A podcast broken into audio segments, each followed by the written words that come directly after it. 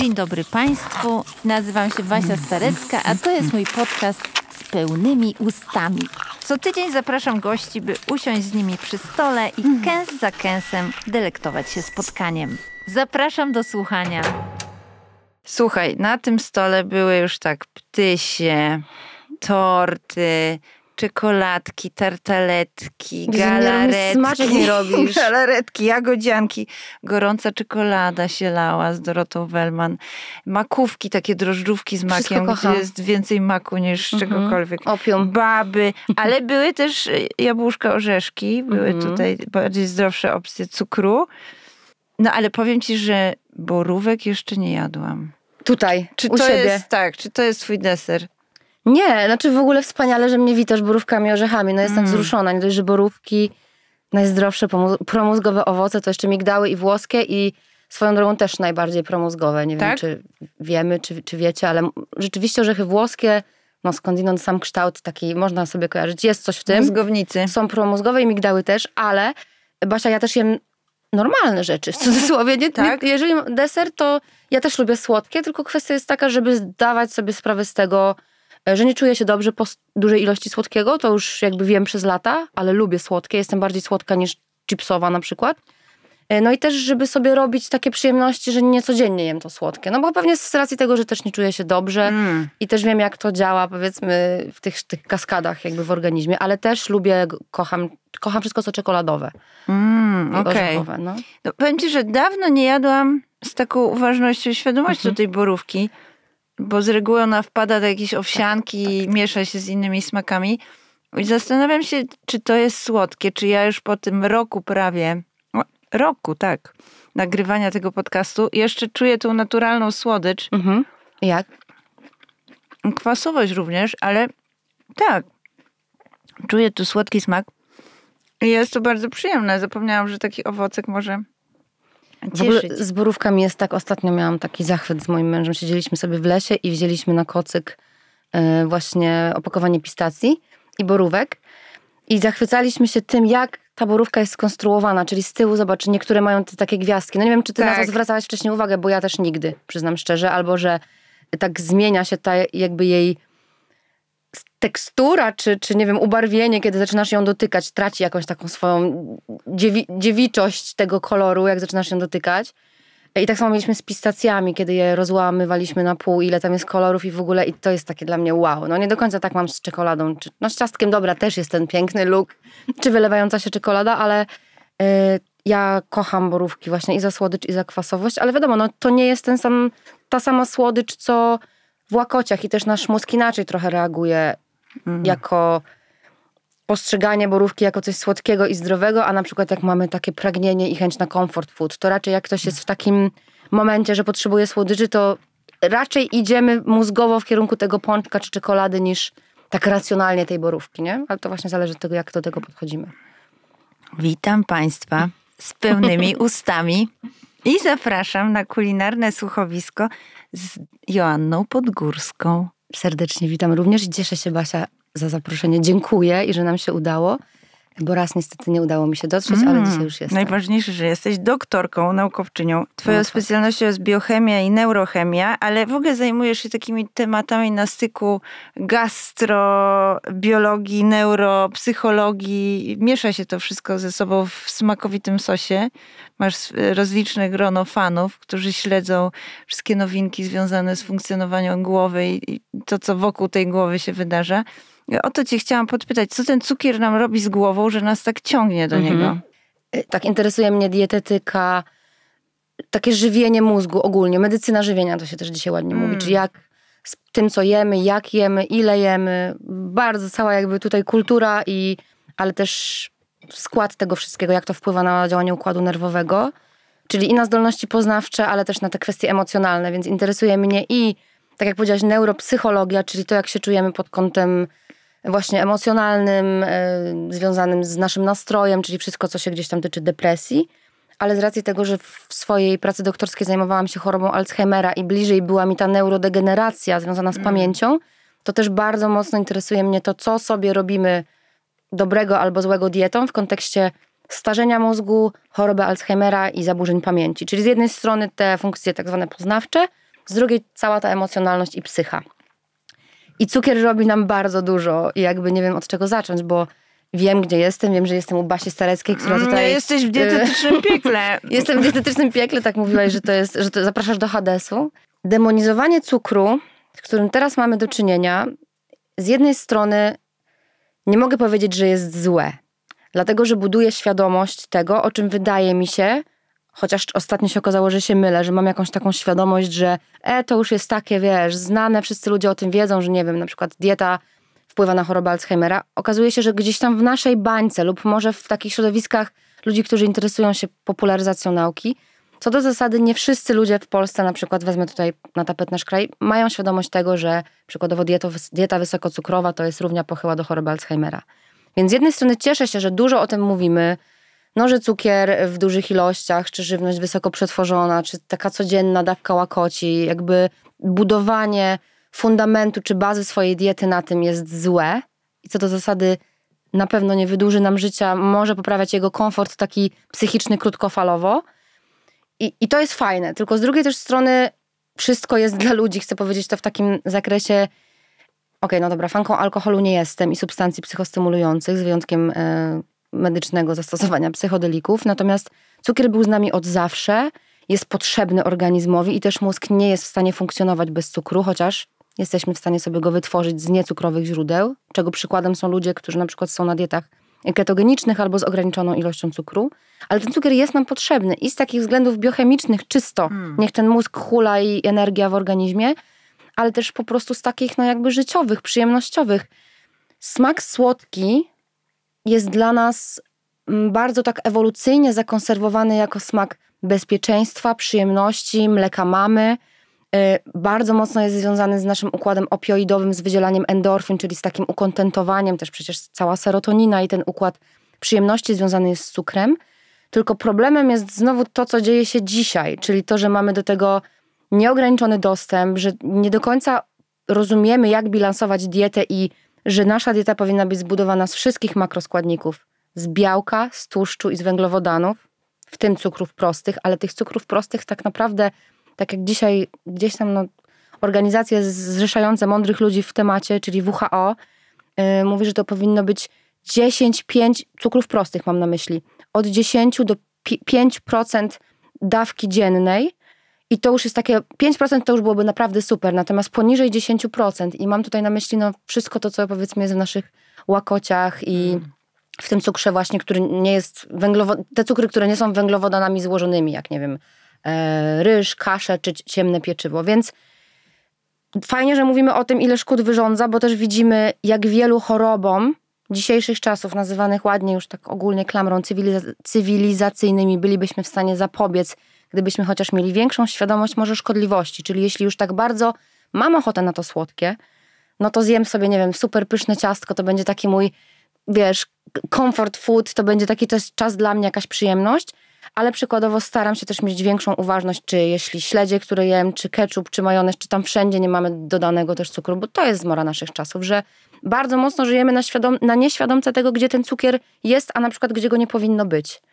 Więc też za- zachęcam, żeby przykładowo, no nie wiem, nie kupować jogurtów, wiesz, słodzonych z owocami, tylko kupić sobie naturalny, dodać sobie owoce świeże czy suszone orzechy i mamy no, dużo lepszy wybór niż po prostu takie rzeczy pakowane cukrem, które przy okazji my nie odbieramy tego jako jakaś wielka przyjemność, jak na przykład pączek, o którym sobie myślisz i masz ochotę go zjeść. Mm. Czyli to nie jest tak, że zdrowa dieta to taka kompletnie pozbawiona tego cukru. Nie, on Nie jest potrzebny. I, I Mhm. wiesz co, no jakby oczywiście powinniśmy budować ją na jakichś takich kanwach tego, co jest podstawowe dla mózgu. Ja y, rozmawiałyśmy tutaj przed wejściem, że teraz gdzieś tam popełniłam i spisałam powiedzmy takim swoim okiem, ale też to, co mówi nam dzisiaj nauka czy dietetyka właśnie związana z mózgiem, jakie ostatecznie są te najlepsze strategie dla tego, żeby czuć się dobrze. I nie chodzi o to, żeby no jakby wiesz, czuć się dobrze na każdym poziomie, czyli nie to, że mam super wysportowane ciało, jak igła, po prostu zero tkanki tłuszczowej, ale mentalnie chodzę niedożywiona, głodna, smutna. Nie. Zdrowie to jest coś ogólnowymiarowego, czyli i dobrze czuję się w ciele, i dobrze czuję się też psychicznie, czyli wszelkiego rodzaju restrykcje, które na przykład prowadzimy przez całe życie, nie są związane z kategorią zdrowia. Czyli żeby ta dieta była zbudowana na takich filarach równowagi, powinny przeważać oczywiście produkty z węglowodanami, z węglowodanami złożonymi. Powinny tam być owoce, nasze borówki, które tutaj przygotowałaś ten wspaniały deser dla mnie. To jest między innymi taki fundament, tak? Owoce Mhm. jagodowe. E, Gorzka czekolada też jest bardzo jakby promózgowa. E, Ogólnie smak słodki może być w naszej diecie. Możemy sobie zaraz, nie wiem, pogadać bardziej szczegółowo, jak to się tam ma rozkładać, chociaż to jest do znalezienia. Natomiast kluczowe jest to, że kraje, w których najbardziej borykamy się z nadmierną masą ciała, z otyłością, z nadwagą, z zespołem metabolicznym, a niestety tutaj taki ding-dong w Polsce mamy problem z otyłością dzieci i widać, że to słodkie jedzenie, słodkie soczki, wiesz, woda słodzona, wszystko, wszystko jest po prostu taką podstawą, że to jest w każdym posiłku. I to jest ten problem, a nie to, że przykładowo ja odżywiam się, odżywiam się zdrowo, jem bogato odżywczo, syto, ale jakby mój talerz jest wypakowany bardziej warzywami, powiedzmy, niż nie wiem, białym makaronem czy, czy, czy samym słodkim. I jest tam miejsce, absolutnie jest tam miejsce na pyszne, słodkie rzeczy. Tylko O. to musi być zrównoważone, wiesz, No nie możemy się wspaniale. karmić tylko tym, bo wtedy No tak. jest gwarancja odłączenia mózgu i to naprawdę w dosyć szybkim wieku, bo choroba Alzheimera już też, czy, u, czy na przykład udary mózgu pojawiają się już u coraz młodszych osób, nawet 35+. Plus. A udar mózgu przykładowo jest też jakby wypadkową i, i skutkiem tego, że fatalnie prowadzimy się tak powiedzmy metabolicznie, y, czyli brak ruchu i na przykład ostre przejadanie się i dieta, która no kompletnie nie jest dobrze zbilansowana. A czy jest tak, że większą predylekcję, takie ciągoty do cukru mają kobiety? Bo Jakoś tak kulturowo mamy to oswojone, prawda? Że kobieta kojarzy się, ma być No wręcz słodziutka, sama, ma być słodka. słodziutka, tak. I wiesz co, ja oczywiście staram się być gdzieś tam na takim e, świeżości, powiedzmy, jeśli chodzi o badania i czasem spotykam się z czymś takim, że no to jest może bardziej stereotypowe, że jednak w przypadku depresji, kiedy bierzemy sobie depresję, że rzeczywiście e, kobiety częściej regulują swoje emocje słodkim pokarmem i można się z tym zgadzać lub nie zgadzać, tak wiesz, myśląc sobie, nie wiem, kulturowo, czy jakoś patrząc kobieta-mężczyzna, ale ze względu na biologię, czy chociażby na to, co się dzieje z nami pod wpływem fluktuacji hormonów, których faceci nie mają, czyli to, że my naprawdę mamy przez cały miesiąc biobongo hormonalne, fazę lutealną, folikularną, kiedy zmieniają się te poziomy progesteronu, estrogenów i to jest bardzo, bardzo mocno związane też z tym, jak odczuwamy, czy ile mamy w sobie serotoniny. To bardzo mocno widać w PMS-ie. Jeszcze do niedawna to takie było, mm, czy coś takiego w ogóle istnieje, jak ten premenstrual syndrom, że kobiety mają, nie wiem, większą tkliwość piersi, większą bólowość, bardziej zbiera się woda, jest rozdrażnienie. I okazuje się, że owszem, ponieważ wtedy spada nam poziom e, estrogenów, a rośnie progesteron, spada też poziom serotoniny. Siłą rzeczy organizm zawsze, kiedy spada poziom serotoniny, ciągnie do słodkich pokarmów, ciągnie do takiego szybkiego zastrzyku energetycznego, ciągnie po prostu do tego, co da nam e, też taką przyjemność i to, to jest ewolucyjnie po prostu zakonserwowane. I teraz patrząc na to, że większe wahania hormonalne mają kobiety, też częściej widzi się właśnie pod kątem depresji e, i tutaj obalę mi, że kobiety mawia się, że chorują częściej, ale dlatego, że częściej się diagnozują i częściej chodzą po prostu do, do specjalistów zdrowia psychicznego. Faceci często po prostu doprowadzają do momentów Mm. skrajnych. Zresztą też widać y, w skali samobójstw w Polsce. Więcej Tam mężczyzn. z kolei Tam po mężczyźni. prostu Mm. nie ma takiego może wołania o pomoc, takiej otwartości na płacz, na emocje. Więcej kobiet się diagnozuje, bo też po prostu więcej kobiet chodzi do specjalistów. I tutaj y, ja nie chcę wchodzić w buty psychologów, ale też wiele raportów na ten temat czytałam, co jest przyczyną tego, że tak mówimy o samobójstwach mężczyzn, a z kolei większej ilości depresji wśród kobiet. Natomiast skoro już te kobiety są bardziej badane pod tym kątem emocjonalnym, to też widzi się, że częściej regulacja emocji jest pod wpływem e, właśnie słodkich pokarmów.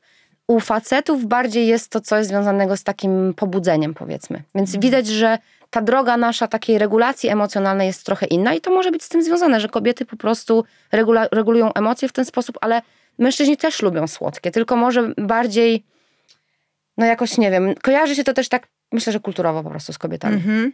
Powiem ci, że byłam e, świadkinią, świadkiem. Świadkową. Świadkowo, świadkowo już się trzymam, tak wiesz, te czasy sprzyjają używaniu wreszcie feminatywów, więc staram się przymycać je przy każdej okazji. Świadkinia brzmi wspaniale. Byłam już świadkinią, słuchaj, sceny w cukierni, która zresztą mieści się niedaleko bardzo znanej warszawskiej siłowni. I jestem w tej cukierni, jakiś taki mam moment przystoju przy kawce, jakiejś szarlotce właśnie i wpada pan z charakterystyczną torbą taką, wiesz, na siłownię, mm -hmm. wypchaną jakimiś utensyliami właśnie sportowymi staje potężnie zbudowany, no przynajmniej dwa razy większy był ode mnie, ale wiesz, widać, że mhm. sport to jest coś, co, co jest ważne dla niego z pewnością w życiu. I staje przed tą gablotą z deserami i zamienia się w małego chłopca. Ja słuchaj, nie mogę oderwać wzroku od niego, bo on był tak szczęśliwy przed tą szybą, mhm. nie mógł się zdecydować. I wreszcie stanęło na trzech kawałkach różnych tortów i on je przy mnie dosłownie pochłonął, pochłonął. Mhm. wiesz? Pewnie też ciśnie na tej siłowni, żeby... I myśli o tym, podnosząc kolejne tam ciężary. Jaka jest mhm. nagroda, że te rzeczy się wydarzają, ale być może właśnie trochę inaczej na nie patrzymy. Wiesz co, ale właśnie wydaje mi się, i to też jest przykład, bo tak mówimy, że te kobiety, i jakby tutaj ja się kieruję tylko, wiesz, takim biochemicznym podejściem, tym, że rzeczywiście ta serotonina, bardziej jesteśmy na to wrażliwe, u mężczyzn gdzieś tam bardziej się obserwuje te spadki dopaminy, ale to nie jest reguła. Chodzi mi o to, wiesz, że to mm. jest jakaś mediana, to jest jakaś tak. taka konkluzja naukowa, ale no myślę, że widzimy to bardzo mocno. Emocjonalnie, heterogennie, pod, pod kątem biologii wszyscy jesteśmy różni i przykładem na przykład tutaj jest mój mąż Maciej, który y, jakby absolutnie nawet na, na Instagramie swoim zawodowym jako fotograf ma pieczywo enjoyer i jakby hałka. To jest człowiek, dla którego on się podzieli wszystkim. Basia, on mi odda każdy obiad, ryba, tu jakiś łosoś, ostatnio chciałam, bierz. Ale jeżeli chodzi o słodkie, jeśli na przykład mamy czasem taki rytuał, że ja z nim idę w niedzielę e, do, na Bielanach, już właśnie mówiłam, że zakochana jestem, tak, w Starych Bielanach idziemy do kawiarni, to po prostu, no nie, jest, w oczach jest dzikość, żeby on dał mi gryza. Czemu sobie nie weźmiesz całego? Ale to jest moje. Ja to tutaj i widzę, że u niego ta, ta słodycz, to, że on sobie planuje, że sobie kupi tego rogala, to jest rzeczywiście też, też widzę tą taką dziecięcą po prostu fascynację. E, więc tutaj kolejny przykład, że dla niego to słodkie to jest po prostu nagroda i, i mimo, że on nie ma jakiejś tam, e, ma bardzo dobrą relację z jedzeniem, zresztą całe życie jadł jak chciał, e, wiesz, też nie ma jakby predyspozycji na przykład do tego, że musi myśleć o swojej wadze, bo też często jest u, u, osób, które no, znam takie m, przypadki, że mocno ciśniemy, trenujemy siłowo i później tak sobie restrykcyjnie podchodzimy do tego jedzenia słodkiego, że zaczyna się problem w jakichś kompulsywnych mm. zdarzeniach i ja tutaj może zostawię e, taki sygnał, bo bardzo, bardzo polecam e, specjalistkę od tego tematu, jeśli ktoś tutaj by miał e, problem. I, i też przeprowadzałam w niuansie z, właśnie z Dorotką Traczyk na ten temat audycję, bo ona bardzo dużo mówi o zaburzeniach odżywiania i o takiej zdrowej relacji z jedzeniem, o takiej mhm. po prostu im bardziej sobie ciśniesz, im więcej sobie będziesz zabierać, tym ta relacja będzie gorsza i realnie też nie, nie jesteś w stanie smakować te, tak jakby tego, tak jakbyś chciał. Czyli przykładowo, jeżeli masz uzdrowioną tą relację ze słodkim i pozwalasz sobie na nawet codziennie coś, to też w zupełnie inny sposób do tego podchodzisz. Jest większe prawdopodobieństwo, że będziesz to jadła, jadł bardziej świadomościowo, mindfulnessowo, niż na przykład tak, że kupię mm. trzy kawałki i zjem je i je pochłonę. Tak. Ale powiedz, to tak działa właśnie nasza głowa, że im bardziej sobie czegoś odmawiasz, tym ona się do, dopomina. Dopomina, do, dopamina się dopomina. Do, dopamina tak, mi się zaczęła wyzwalać. ale tak, tak jest i, i jakby no... Po pierwsze owoc, wiesz, zakazany owoc lepiej smakuje i to, co za szybą i to, co nie jest dla ciebie dostępne. Yy, a słodkie, tutaj jest wiele też teorii, czy cukier uzależnia, czy nie uzależnia. No, Widzimy w mózgu zmiany pod tytułem coś tam się świeci w naszym układzie mezolimbicznym, czyli w układzie nagrody, który jest jakby bardzo reaktywny i wrażliwy na substancje psychoaktywne, na smaczne jedzenie, na seks, na hazard, na wszystko to, co daje nam pik ekscytacji i właśnie dopaminę, która się bardzo mocno różni od serotoniny, bo nie daje ci ukontentowania, tylko jeszcze, jeszcze, jeszcze, wiesz, tak zwane seeking and reward. Ty mhm. chcesz być w tym ciągu cały czas tej, tej ekscytacji i rzeczywiście smak słodki aktywuje nam dopaminę, jakby też tak nas ekscytuje. I przy okazji dodając nam jeszcze endorfiny, więc w ogóle czujemy, wiesz, i błogostan, i taką zajawę. Natomiast, i tutaj się zgadzam z badaczami, którzy mówią, że w przypadku ludzi, no my nie jesteśmy takimi prostymi istotami y, żyjącymi jak myszy, czy szczury, czy zwierzaki laboratoryjne. U nas bardzo mocno dochodzi ten aspekt emocjonalny do jedzenia i też taki, że nie tylko o, samą, o sam słodki smak chodzi, tak jak właśnie badamy na zwierzakach, ale smakowitość jedzenia, tak zwany właśnie ten comfort food. Dzisiaj wiemy, że takim benchmarkiem, powiedzmy takim wzorcowym jedzeniem, który no może uzależniać i nawet nie chodzi o sam cukier, tylko właśnie smakowitość, jest połączenie cukru i, i tłuszczu, czyli pączek. Nie wiem, ja mam, ja jestem po prostu psychofanką. Zawsze na studiach jadłam, wiesz, takie ro, y, rożki francuskie. Takie wspołem w sklepie kupione Tak. u babuszki, to ten rożek francuski to jest dla mnie no, po prostu epicentrum przyjemności i widzimy, że u ludzi nie o sam cukier chodzi, tylko właśnie bardziej o tą smakowitość i nagłe zabieranie sobie takiej całej smakowitości z życia, jeżeli to było coś dla ciebie ważnego, lubisz taki rodzaj jedzenia, bo są ludzie, i znam, moja mama nie lubi słodyczy i pizzy, to jest w ogóle jakiś kosmos. Ale jeżeli lubisz takie coś i zabierasz sobie to totalnie i zawsze, kiedy najdzie ci ochota, będziesz wybierać ten zdrowy baton z daktyli, czy tam z czegoś, który nomen omen czasami ma więcej kalorii niż ten pasek czekolady, który sobie weźmiesz i się usatysfakcjonujesz, to mądrzy ludzie mówią i Dorota też o tym opowiada właśnie w zaburzeniach odżywiania, że to zawsze wróci i to przeważnie ze zdwojoną siłą. Czyli jeżeli przez cały tydzień odmawiasz sobie tego i ciśniesz tą restrykcję, ale idziesz spać myśląc o tym, wstajesz rano, no po prostu czujesz, że, że czegoś ci brakuje, jesteś nieusatysfakcjonowana, to z dużym prawdopodobieństwem w sobotę kupisz sobie pięć batonów i jakby nie zasmakujesz tego tak, jakby zjadła tego jednego. Nawet jeśli mamy tą relację z tym słodkim taką nie do końca, to mawia się, że lepiej zjeść codziennie ten jeden mały batonik i pokazywać sobie, że to jest normalne, to jest okej, niż wiesz, deprywacja, deprywacja i, i nagle później wybuch. Nie jestem psychodietetyczką, mówię tylko na podstawie tego, co sama gdzieś tam, wiesz, ym, usłyszałam, co przeczytałam, ale ciągnie nas do tego, im bardziej sobie po prostu tego zakazujemy. I to znowu nie chodzi o to, żeby na wszystkie substancje, które działają w ten sposób na nasz układ nagrody reagować, że to trochę sobie dam, no bo narkotyki też w ten sposób działają, a wiemy do, do czego doprowadzają. Chodzi o to, że w przypadku jedzenia, które zawsze będzie z nami, słodki smak, no nieuniknione, jest, to jest nieuniknione. Pójdziesz gdzieś do babci, do cioci, jeśli lubisz ten smak i całe życie sobie go odmawiasz, to wydaje mi się też, że stajesz się po prostu nieszczęśliwym człowiekiem. A budowanie tego w oparciu o to, że jem zdrowo, żyję zdrowo, ruszam się i daję sobie, wiesz, tą smakowitość, to jest, wydaje mi się, największy balans. Bo przy okazji też jest tak, i ja też jakby naprawdę, no jestem łasuchem i czasem uwielbiam sobie zjeść coś słodkiego, ale w moim życiu też jest to zrównoważone, wydaje mi się, tym, że ja kocham ruch. I kiedyś rzeczywiście kochałam ten ruch do, wiesz, zajazdu, bo uwielbiałam sobie dać w pierdziel, żeby to mnie odstresowywało, a teraz, tak jak tu rozmawiałyśmy na foteliku, po prostu ruch jest wpisany w moje życie, w to, że przechodzę te, nie wiem, 5-10 kilometrów dziennie, czy się poruszam. Więc jeżeli wiesz, że prowadzisz zdrowy tryb życia, to nie katuj się tym, że zabierasz sobie jeszcze takie przyjemności, które jeśli nie dają ci o sobie zapomnieć, to i tak wrócą. I, i jakby to mi się wydaje, że jest taki, taka kanwa równowagi. Jeszcze pamiętając o tym, Basia, dodam, że jeżeli się ruszamy, mamy masę mięśniową, to nasza insulinowrażliwość i to w ogóle jak metabolizujemy węglowodany, to jest niebo a ziemia w stosunku do ludzi, którzy kompletnie nie podejmują ruchu. Jeżeli masz mięśnie, to po prostu dużo, dużo lepiej radzisz sobie też z tą glukozą i z tym cukrem. Miałam tu, słuchaj, niedawno przy tym stole przyjemność spotkania się z Dorotą Masłowską, artystką, Mhm. pisarką. I Dorota powiedziała coś takiego, wiesz, to jak na to patrzę, to widzę od razu seks ludzi starych. Że to jest y, trochę taki deser, który zastępuje różne inne przyjemności, które miałaś w życiu. Czy rzeczywiście cukier możemy porównywać do... Powiedziałaś trochę o tym już, że on wyzwala podobną... y, Tak, i, Odpowiedź w i, i głowie. widzimy też to mocno właśnie y, w zaburzeniach depresyjnych, czy na przykład w chorobie afektywnie, afektywnej dwubiegunowej, czy w schizofrenii też, w tych stanach, bo schizofrenia też jest połączona w pewnym stopniu w depresją, z depresją.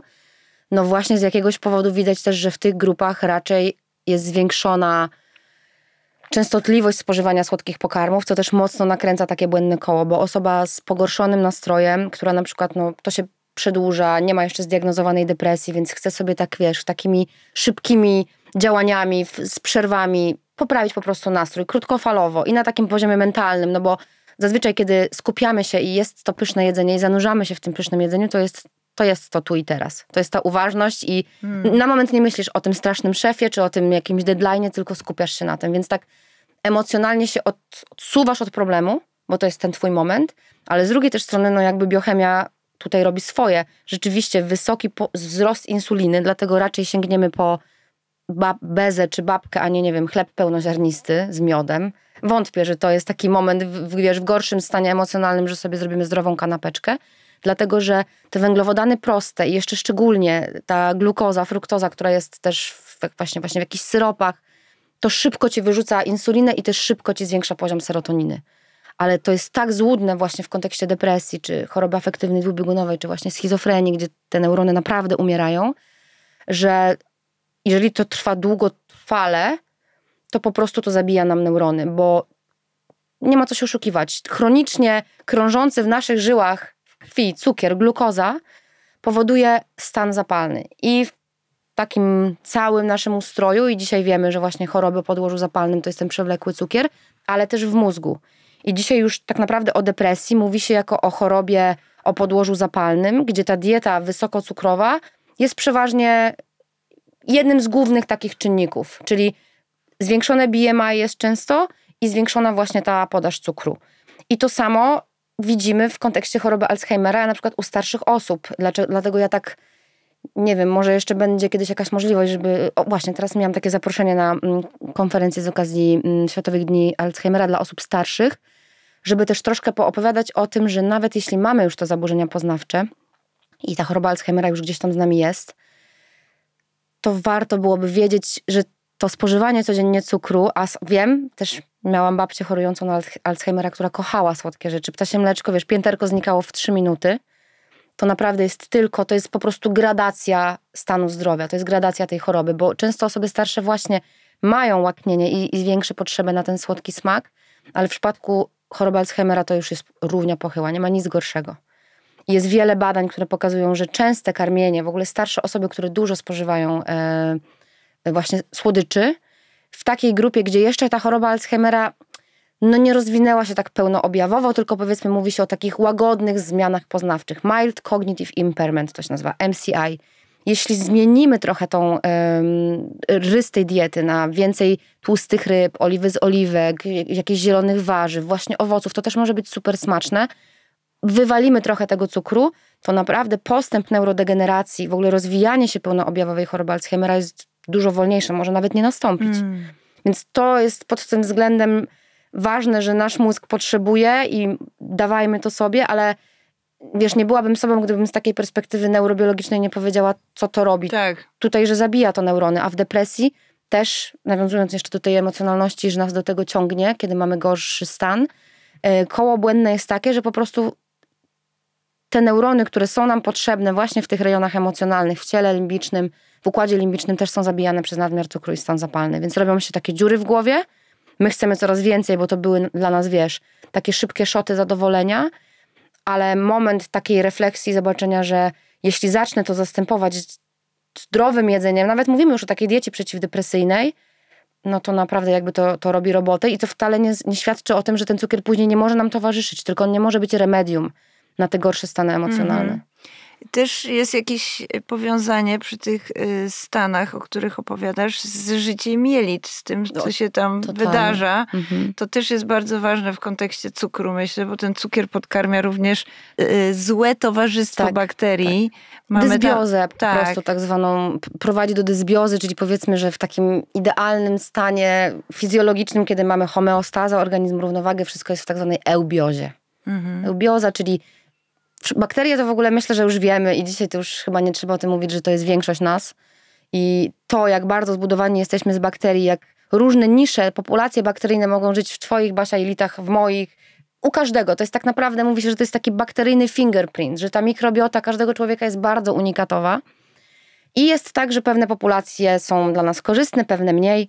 I rzeczywiście, e, no, dieta zasobna w cukier i też nie tylko. Jakby tutaj chciałabym powiedzieć, że ogólnie dieta tak zwana, może to nieładnie się nazywa western diet, czyli dieta zachodnia I, i wiem, że dieta hiszpańska, portugalska też jest traktowana za zachodnią, ale my mówimy tutaj o diecie American, American based powiedzmy. Przetworzona. Przetworzona, fast foodowa, masa utwardzaczy, emulgatorów, rzeczy, które wpływają fatalnie na nasze jelita, plus jeszcze te chochle cukru, tłuszcze trans, raczej tam średnio, jeśli chodzi o oliwę z oliwek to wszystko powoduje, że tych bakterii niestety niekorzystnych, beztlenowych, bakterii z rodzaju Clostridium, mm, streptokokusów, różnych już tutaj nie będę wymieniała, ale zwiększa się ich ilość.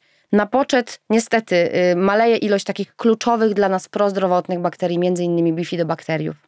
I okazuje się, że badając tak zwane taksony bakteryjne, czyli te grupy, te gatunki bakterii u osób zdrowych i u osób dotkniętych depresją, widzimy czarno na białym, jak bardzo charakterystyczna jest ta mikrobiota osób dotkniętych depresją, czy na przykład właśnie chorobą afektywną dwubiegunową, spowodowana tym przetworzonym niedobrym jedzeniem, a cukier szczególnie jeszcze w kontekście prozapalnym i uszkadzania nam po prostu błony śluzowej jelit i prowadząc też po prostu do, yy, no do tego, że ogólnie jelita mają się gorzej.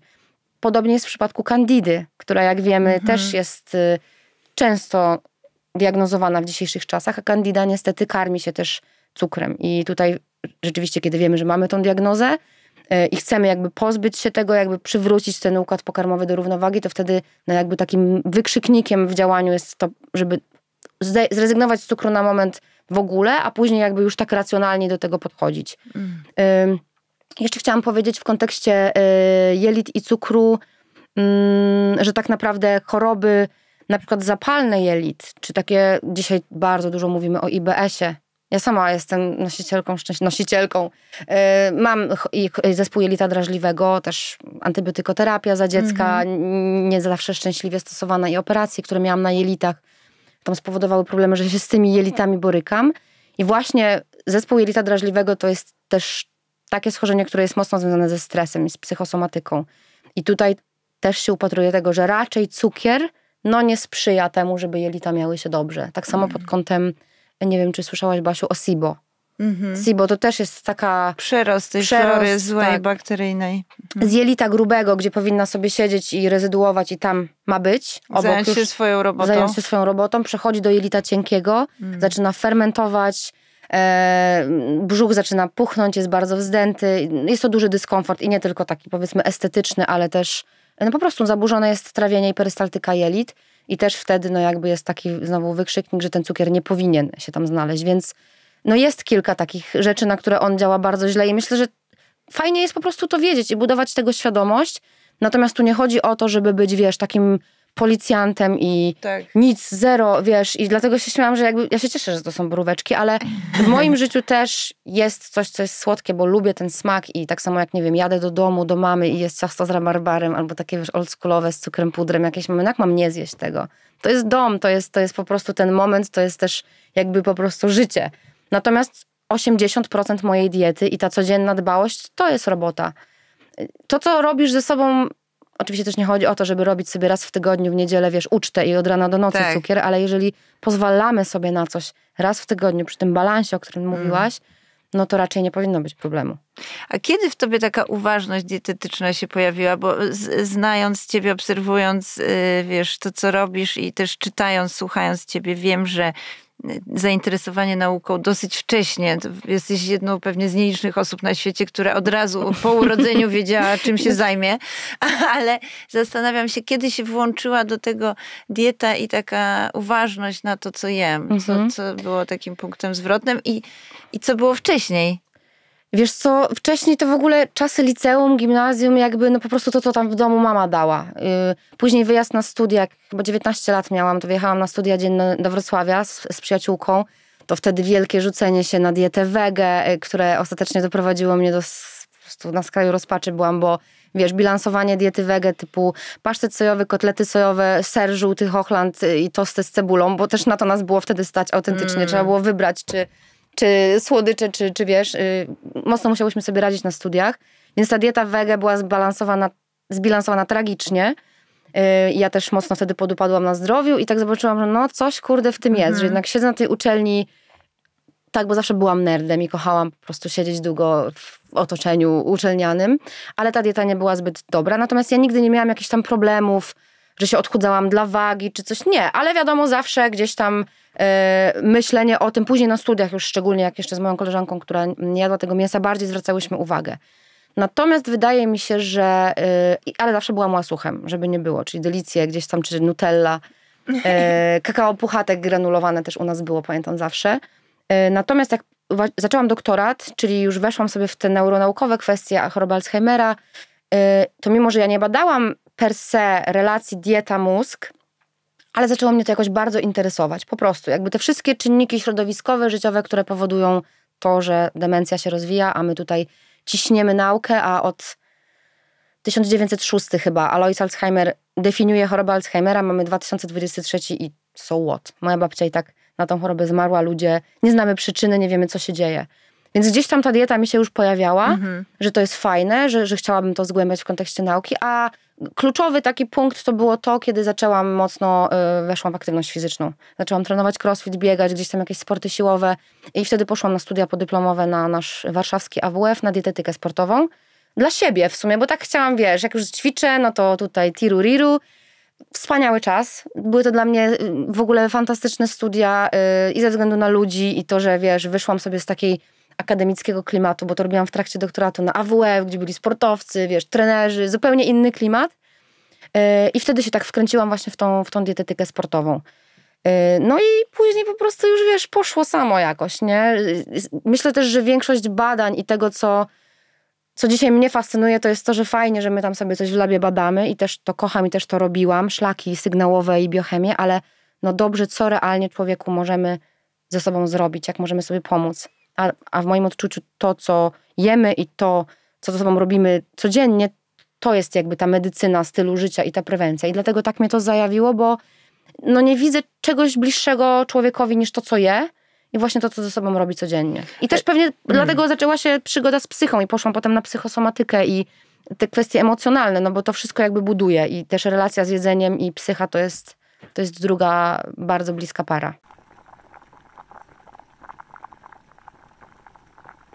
Jeśli mój podcast wpadł Ci do ucha, to zachęcam, by dać temu wyraz. Na przykład ocenić podcast na 5 gwiazdek w serwisie Spotify lub zostawić komentarz na Apple Podcasts. Możesz także pomóc mi go rozwijać. Dziękuję wszystkim, którzy już zdecydowali się to zrobić, czyli wesprzeć mój podcast na Patronite. Szukasz przepisów, rekomendacji i pomysłów, jak delektować się życiem z pełnymi ustami? Zajrzyj na moje profile społecznościowe. Nakarmiona Starecka to Instagram, Facebook i blog. Wszędzie tam znajdziesz jeszcze więcej przyjemności. Co tak praktycznie, literalnie zmieniło się na Twoim talerzu? Czego już mhm. absolutnie nie jadasz, a co odkryłaś i stało się jakimś takim produktem, nie wiem, składnikiem, motywem Twojego nowego życia od tamtego momentu? Mm, rzeczywiście kocham zjeść sobie czasami słodką bułkę czy pójść na ramen. Mam na myśli tutaj po prostu pieczywo węglowodane, ale nie mam tego w mojej diecie. I nie jestem na żadnej diecie ketogenicznej. Kiedyś byłam, próbowałam też i rzeczywiście mózgowo może czułam się dobrze na diecie wysokotłuszczowej, ale to też była dieta wtedy na rybach, bez mięsa. Trudno było mi to zbilansować, przyznam szczerze. Yy, ale teraz jestem na diecie takiej, ja wiem, no białkowo-tłuszczowe śniadania jem zawsze. Czyli to jest u mnie standard, że jest jakieś awokado, orzechy, jaja, y, czy sadzone, czy jajecznica, czy na miękko, czy na twardo. Jakieś zielone listki zawsze tam muszą być. Lubię bardzo mozzarella, lubię parmezan. Więc takie białkowo-tłuszczowe śniadania zazwyczaj jem bez chleba, po prostu są one dla mnie wystarczająco syte. Y, no i tak jak mówię właśnie, no nie jem białego pieczywa, nie jem y, często makaronu tych, y, tych takich węglowodanów prostych też z tego względu, że przy IBS-ie ja raczej nie mogę tutaj sobie. Nie mam celiaki, nic takiego, nie wykluczam glutenu, mm -hmm. broń Boże i też nie jestem zwolenniczką takiego tak, wykluczania glutenu, jeśli nie ma się celiaki y, czy innych tam wskazań. Natomiast tego nie ma u mnie codziennie, ale jeśli mam ochotę, to idę na pizzę, bo kocham pizzę. Jeśli, nie wiem, jest weekend i Maciek chce iść na ramen, no to zjadam sobie ramen z tym makaronem normalnie pszennym, natomiast to nie jest u mnie codzienność. Mm. A kiedyś, no Boże, czasy w domu, pamiętam, no wiesz, biały chleb z szynką z serem, albo tam, no nie wiem, to, co mama ugotowała tak. i nigdy nie wybrzydzałam.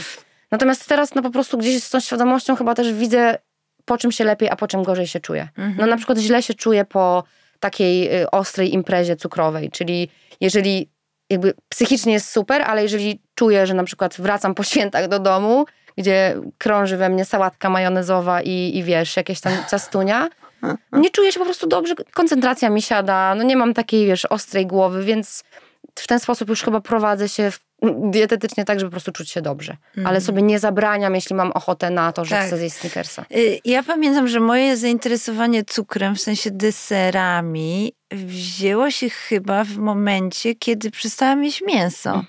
I poczułam taką gwałtowną zmianę w sobie, że wiesz, no, miejsca, które kiedyś mijałam obojętnie, w ogóle nie wchodziłam do cukierni, Y, a mięsa jadałam całkiem sporo. Były takie momenty, że ono się pojawiało nawet dwa razy dziennie. Y, raptem zaczyna mnie to kręcić, wiesz, i czuję takie, takie łaknienie, jakąś taką potrzebę, taki głód, ale w takim rozumieniu totalnie meta, że, Mhm. że coś mi się chce, jakiejś takiej przyjemności, którą jednak chyba mi wcześniej dawało właśnie to mięso. Ja też odkryłam, że po jego odstawieniu czuję się właśnie rewelacyjnie. Mhm, Nie miałam mhm. świadomości, jak bardzo ona mnie obciąża, jak sprawia, że wiesz, ja jestem jakaś taka przyciężkawa, spowolniona, zamulona. Pamiętam ten taki efekt świe świeżości Tak. właśnie głowy, że wreszcie tak jakbym się obudziła bez nałogu, wiesz, bez kaca, Mhm. coś takiego. Ale zaczęło mnie właśnie ciągnąć w stronę cukru i Ciekawa jestem właśnie, czy ja to dobrze diagnozuję, że, że mogło się tak właśnie wydarzyć, że on wjechał w ramach zastępnika jakiejś tam przyjemności. I Mhm. co w związku z tym może ten cukier, już ustaliłyśmy, że, że nie, nie przychodzimy w jakieś radykalne tutaj Mhm. kierunki, ale co może być jakimś takim zdrowym zastępnikiem tego cukru, Mhm. co daje taką podobną przyjemność? Czy to są właśnie tłuszcze? Wiesz co, z tłuszczami jest tak i często takim zaleceniem na przykład u osób, które rzeczywiście mają problem z łaknieniem na słodkie i też z takim ciągłym wilczym głodem, które no Mm. całe życie, i ja też w ogóle właśnie, jeszcze pytałaś o zmianę, ja byłam człowiek owsianka. Dla mnie Mhm. śniadanie to była tylko owsianka z orzechami, z masłem orzechowym, taka wiesz, po prostu cu- cukrowa bomba, oczywiście zdrowa, Ale też przyjemna, ciepła kołderka tak, na brzuch. dokładnie, Mm. ciepełko, takie roz, rozmięknięte. Natomiast ja zobaczyłam też, że trzy godziny i ja już umieram z głodu, a ja po białkowo-tłuszczowych śniadaniach rzeczywiście zjadam śniadanie, nie wiem, o siódmej i o 13 jestem głodna. Natomiast y, tłuszcze rzeczywiście w takich dietach osób tak zwanych insulinoopornych, insulinooporność może tak króciutko, to jest stan, w którym nasz organizm po prostu przestaje być wrażliwy, jest głuchy na insulinę. A insulina to jest hormon, który sobie krąży w naszym ustroju, jest też w mózgu, który ma za zadanie zabrać jakby do plecaczka tą glukozę, która krąży w naszym krwiobiegu i dostarczyć do odpowiednich tkanek narządów, jakby żebyśmy ją wykorzystali jako źródło energetyczne. Problem u osób, które jedzą bardzo dużo i nawet nie zawsze cukru, mogą mieć po prostu dietę cały czas przetworzoną, yy, stałe nadwyżki kaloryczne. Często upatruje się tutaj też dietę wysokowęglowodanową, ale nie zawsze, czyli zaczynają być insulinooporne, bo ich komórki przestają być wrażliwe na tą insulinę, która mówi: Hej, ja chcę zabrać tą glukozę do komórek. Po prostu tego było za dużo. Organizm był tak wysycony tym, że te komórki są po prostu głuche na insulinę. I, nie, i ostatecznie ta glukoza krąży, zalega nam w tym krwiobiegu i działa prozapalnie. Więc i, i dodam tylko, że insulinooporność dzisiaj jest diagnozowana coraz częściej i wcale nie jest diagnozowana u osób otyłych. Można być osobą szczupłą, która była w różnych takich nie do końca dobrych, szczęśliwych manewrach dietetycznych i mogła nabawić się insulinooporności. I w takim przypadku właśnie zaleca się osobom z tym problemem, e, czy właśnie osobom, które mają problem z tym wyregulowaniem łaknienia na słodkie, zmniejszenie po pierwsze jego ilości w postaci e, węglowodanów prostych, a po drugie właśnie włączenie zdrowych tłuszczy do diety. Zdrowych mam tutaj na myśli oliwa z oliwek, e, olej z wiesiołka, olej konopny, orzechy, wiesz, awokado, tłuste ryby. Coś, ja wiem, niedźwiecka by się tu cieszyła, śledzie. O, E, jadła tutaj. O, tego tak, nie wspomniałam. O, widzisz, nie wspomniałam. niedźwiecka też miała coś innego niż standard. Y, więc i to jest pewnego rodzaju mechanizm, bo tłuszcz nas syci. Tłuszcz działa dużo bardziej hamująco na głód, ponieważ w dużym skrócie wpływa na taki hormon głodu grelina, który jest znany żołądka i daje ci sygnał, że o Jezus, wiesz, burczy. Mhm. Y, Po cukrze raczej jesteśmy szybciej głodni, więc zastąpienie diety wysokocukrowej, takie przechodzenie zwiększenie podaży tłuszczu, ale powtarzam, zdrowego, nie chodzi mi o bekon i wiesz, kilogramy masła, y, jest swego rodzaju rozwiązaniem i to może być jakieś takie, wiesz, mm, coś na, na zastępstwo. Natomiast jeśli kochamy słodki smak, a no z jakiegoś powodu, nie wiem, borykamy się z depresją, albo właśnie mamy choroby neurodegeneracyjne, albo mamy jakieś choroby zapalne, AZS, reumatoidalne zapalenie stawów, Hashimoto, wszędzie tam, gdzie stan zapalny hula w organizmie. A cukier Basia, no sorki, nie ma co gadać, jest prozapalny. To możemy próbować budować sobie słodkie desery czy coś na bazie nie samego cukru. Czyli możemy, nie wiem, e, kupić owoce czy banany, zmrozić je, zrobić z tego jakiś deser, dodać orzechy, dodać masło orzechowe. Możemy e, na przykład słodzić też erytrolem. Tutaj cały czas trwają oczywiście w nauce dywagacje, które słodziwo jest lepsze, które gorsze. Ja nie jestem osobiście za słodzikami typu aspartam, tam te wszystkie cuda. Czasami w napojach typu Cola Zero czy coś są badania, które mówią, że to może pomagać ludziom schudnąć i też jakaś tam ilość taka epizodyczna nie zabije nas. Natomiast według tego, co mówią dzisiaj badania, erytrol i tutaj dementuję y, badanie, które gdzieś tam ostatnio obiegło świat internetu, ale szczęśliwie Damian Parol, y, jeden z dietetyków, też wyjaśnił, że erytrol wcale nie działa na nas promiażdżycowo i nie powoduje jakichś zmian y, sercowych, tylko nadmiar tego, tych, tych polioli wytwarzanych w organizmie po prostu nie ze względu na samą dietę. Erytrol i stevia. Chodzi mi o to, że możemy sobie robić na przykład swoje desery, które też mają słodki smak, y, a, a nie będą samym takim typowo cukrem jak glukoza czy sacharoza. Ale to tak jak mówię, jeśli chcemy sobie na ten deser po pozwolić raz w tygodniu, jakby konkret idę do cukierni, kupuję drożdżówkę, a jeżeli to jest ok, ale jeżeli chcemy mieć coś codziennie słodkiego, to mm. warto sobie poszukać tych zastępników i naprawdę no, można świetnie grać owocami też tutaj. Mm. A jak byś odczytywała właśnie to mięso tutaj w, w tym kontekście? No wiesz co, jeśli byłaś też zwolenniczką spożywania mięsa, czyli tak jak moja siostra zawsze mała pasztet, pasztet, ona tylko pasztet jadła. zawsze pasztet i po prostu jakieś tam wędlinki. E, no to było dla ciebie to też jedzenie związane z przyjemnością, nie tylko z samym takim mm. nakarmieniem się, odżywieniem, mm. tylko to była dla ciebie przyjemność, czyli lubiłaś ten smak. Więc zabierając sobie totalnie coś, co było takim twoim elementem, no mocno osadzonym w diecie, no poczułaś pewnego rodzaju pustkę, czyli tak, coś, tak, co tak. musisz, jakaś deprawacja, Ewidentnie. którą musisz sobie mhm. zastąpić. Mm -hmm. I teraz nie szłabym to nawet w to, no bo nie wiem, czy jadłaś tłuste żeberka, golonki, czy to po prostu było mięso, że zabrakło ci tego tłuszczu samego w sobie. Bo są też osoby, które po prostu lubią, nie wiem, parówki i drób i ciężko jest im z tego zrezygnować i tutaj wcale nie musi chodzić o ten tłuszcz. Więc u ciebie po prostu wydaje mi się, że to była ważna komponenta tej diety, bo ja na przykład tak mam, że jak zrezygnowałam z mięsa, to ja nie czuję, że jakoś tak bardzo za tym tęsknię, bo to nie było u mnie codziennie. W obiadach w zasadzie w ogóle, tylko tam czasem, nie wiem, jakieś pizza z salami czy coś takiego. Natomiast wydaje mi się, że to było po prostu coś ważnego dla ciebie w takim, mm. szczególnie jeżeli jesteś osobą, która przywiązuje dużą wagę do jedzenia, do smakowitości, do sytości. Wiemy, że są ludzie, którzy po prostu jedzą, żeby nie czuć głodu. Tak. I w tą stronę bym to rozpatrywała. Ale co ciekawe, teraz na widok mięsa mi się uruchamiają absolutnie odwrotne reakcje. Mhm. W sensie obrzydza mnie. No, to musi być coś, wiesz, na krańcu świata, co wiadomo, że jest po prostu jakimś szalenie ważnym dla danej mhm, kultury mhm. daniem, żebym ja miała ochotę spróbować z ciekawości, tak. a dlaczego państwo to jedzą, co to jest takiego, wiesz. I żeby też nie obrazić e, gospodarza. Tak, bardzo tak. często też mhm. takie sytuacje miały miejsce, więc e, rzeczywiście taka reakcja w ogóle, że, że absolutnie mi dzisiaj nie, nie brakuje tego wszystkiego.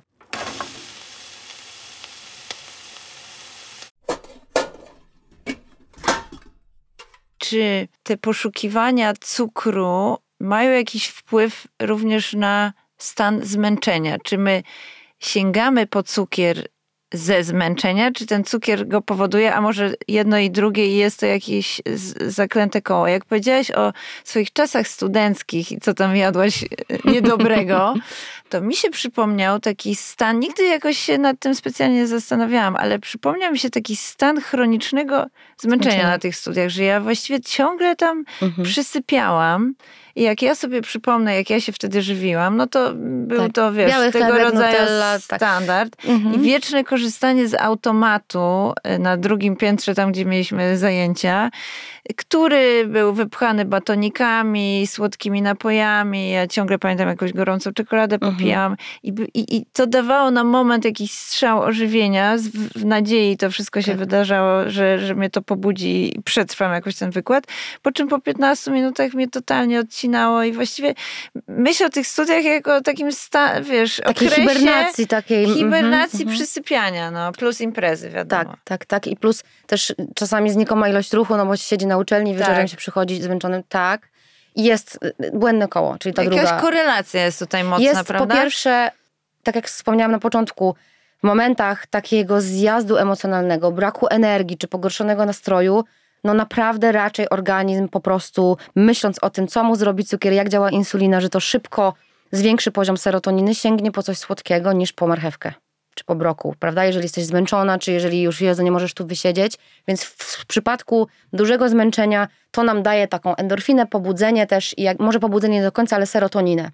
Natomiast rzeczywiście jest tak, i ja miałam to po słodkich śniadaniach, czy, czy też ludzie, którzy mają tą insulinowrażliwość tak zwaną słabą, nie mogą jeść produktów z wysokim indeksem glikemicznym, czyli właśnie biały chleb, jakaś wiesz, czekolada, coś, co szybko im podnosi poziom insuliny, bo dochodzi do takiego momentu po prostu, to jest takie oszukanie, to jest taki, wiesz, pik, pik, pik, dużo insuliny, pobudzenie, a potem masz, spadasz z wyższej wieży po prostu. Masz duży zjazd energetyczny, bo też y, to powoduje to, że serotonina się zwiększa, ale serotonina, nie wiem, czy słuchacze wiedzą, ale z serotoniny później wytwarza się melatonina. Dlatego też często tak się mówi, że jest związanie sadełka po obiedzie, jakaś drzemeczka, jak się tak najemy, dużo tych węgli czy czegoś tam. No a co do zasady to jest fajne i przyjemne, ale no nie powinno tak być. Jedzenie w czasach prehistorycznych powinno nam dawać w ciągu dnia przynajmniej energię do tego, żeby tam latać z dzidą albo żeby, nie wiem, zajmować się potomstwem, cokolwiek, więc dzisiaj to nasze przewlekłe zmęczenie w społeczeństwie też jest związane z tą dietą raczej nadwyżkowo-cukrową, a z drugiej strony jest też tak, że jednym z takich elementów, który tnie elementów, no może czynników, który tnie na łeb, na szyję dopaminę, też jest dieta wysokocukrowa. A to dopamina daje ci ten fokus uwagi, fokus uwagi, uwagę, daje ci tę koncentrację, daje ci to, że ci się chce, że czujesz ekscytację, podniecenie na przykład tego, że chcesz się uczyć. To jest w ogóle składowa stanu flow.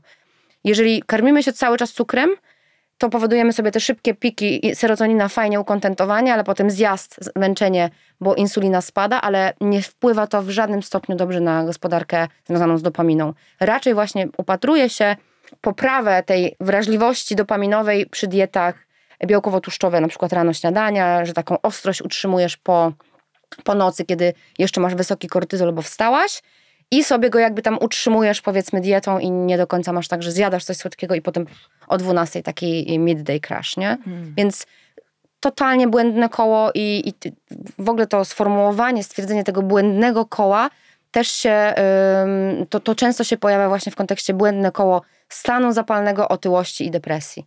Czyli hmm. mamy stan zapalny organizmu, coś się dzieje już w nas, pogorszony nastrój, więc sięgamy, sięgamy po słodkie produkty czy przetworzoną żywność, raczej wtedy no nie mamy i to jest, wydaje mi się, normalne. No, taki człowiek, który jest w głębokim dole emocjonalnym i stanie naprawdę złym psychicznie, raczej nie myśli wtedy o tym, że sobie ugotuje brokuła i do pojemniczków zrobi tam kaszę, więc to jest też normalne, że wtedy sięgamy po ten słodki pokarm e, i, i to jedzenie zwiększające przyjemność, dlatego yy, to tylko taka nawiązka, że czasami nie da się i to jest duży mit, że dietą czy tam zdrowym stylem życia wyleczysz depresję. Czasami jesteśmy w takiej sytuacji, że bez leczenia czy bez solidnego wsparcia psychoterapeutycznego, specjalistycznego nie wstanie człowiek i nie ugotuje sobie tego zdrowego obiadu, czy nie ubierze butów na ten spacer.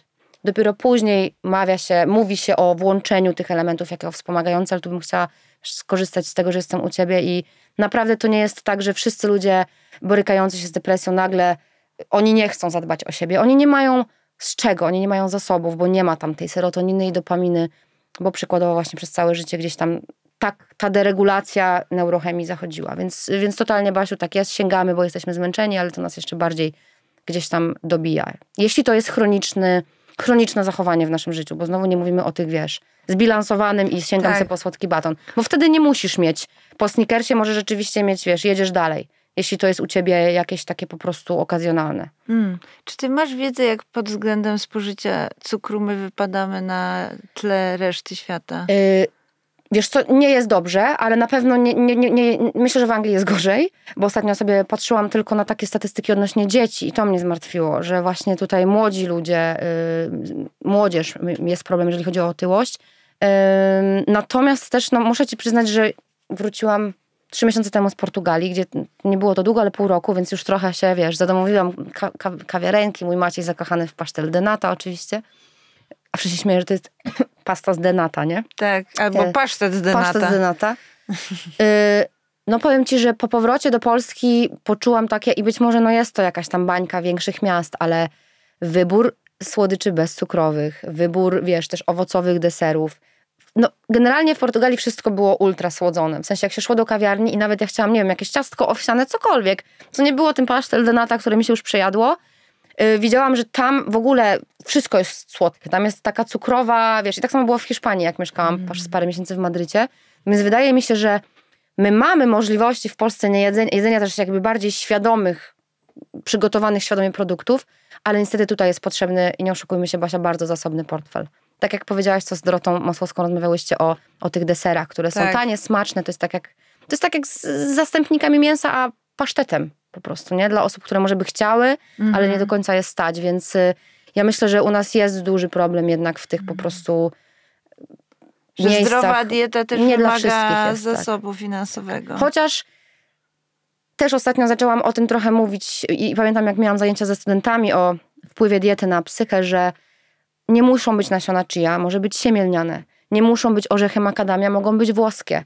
Mogą być jagody, nasze truskawki, nasze poziomki, jabłka, ziemniaki, które są też wspaniałe i prozdrowotne. Nie musimy szukać tak zwanych, wiesz, no fancy produktów i świadomość pozwoli ci wybrać. Nie musisz iść, wiesz, na targ i kupować jakieś tam dragon fruty i nie wiadomo jak drogie rzeczy, ale to też jest w moim odczuciu no gorzej, no trudniej dostępne są te, te rzeczy. N- Przynajmniej nie we wszystkich miejscach.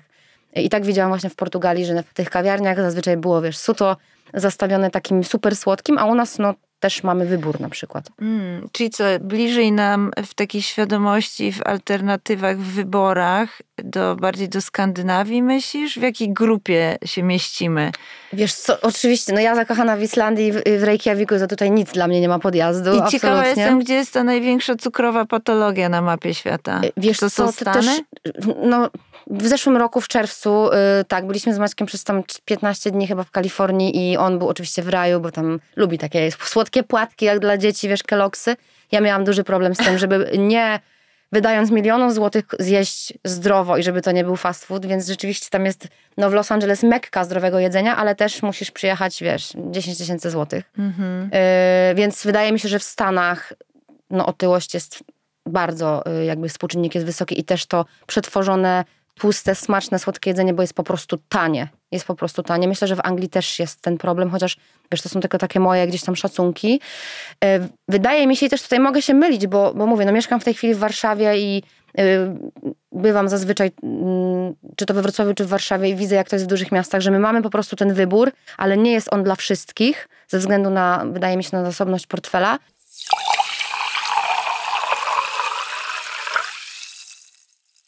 No gdzieś tam jest cały czas takie myślenie o tych miejscach na świecie, tych siedmiu miejscach prawdopodobnie, gdzie żyjemy dłużej, wymienia się tą Okinawę.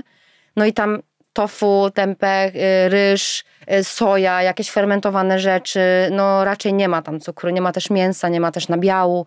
Jest dużo światła, dużo społeczności, dużo relacji i tak samo czy Kostaryka, czy Sardynia, czy Ikaria, czy tam w Stanach jest też chyba to miejsce, Loma Linda. To jest jedno z miejsc w Stanach, gdzie ludzie żyją najdłużej, nie jedzą mięsa, nie piją alko. Yy, I to są chyba adwentyści dnia siódmego, z tego co pamiętam, ale tutaj mogę się Czyli jakaś mylić. restrykcja tam jest religijna. Tak, tak, tak. Mm. No dobrze. Czy my zapowiadamy twoją książkę? Jezu, nie wiem, już tak się, tak chyba chciałabym, ale tak jeszcze mi to nie przechodzi, wiesz, przez umysł, bo jeszcze tego nie widzę, ale, ale Basia chyba tak, no nie wiem, chyba tak. Możemy się spodziewać Janny Podgórskiej w wersji papierowej. Cieszę się z tej papierowej, bo jakby naprawdę chodzi mi o to, że ja chcę to dać mojej mamie, która i tacie, i, i żeby to leżało sobie na stoliku, E, więc jakieś takie dziedzictwo mieć tego, że, się, że, coś, że coś zostaje i wygląda na to, że to będzie z końcem września, więc się strasznie cieszę. Mam nadzieję, że będzie zjadliwe i przystępne. E, Starałam się jak mogłam, ale wiadomo, no, no Basia, niektórych rzeczy nie nazwiesz inaczej niż, nie, nie wiem, kinaza czy kwas jakiś tam, więc No, będziemy się tego uczyć. Będziemy się tego uczyć. No to z taką inspiracją, z taką nadzieją, oczekiwaniem na tą inspirację zostawiamy słuchaczy, że już niedługo jesienią. Dzięki, kochana. dziękuję bardzo.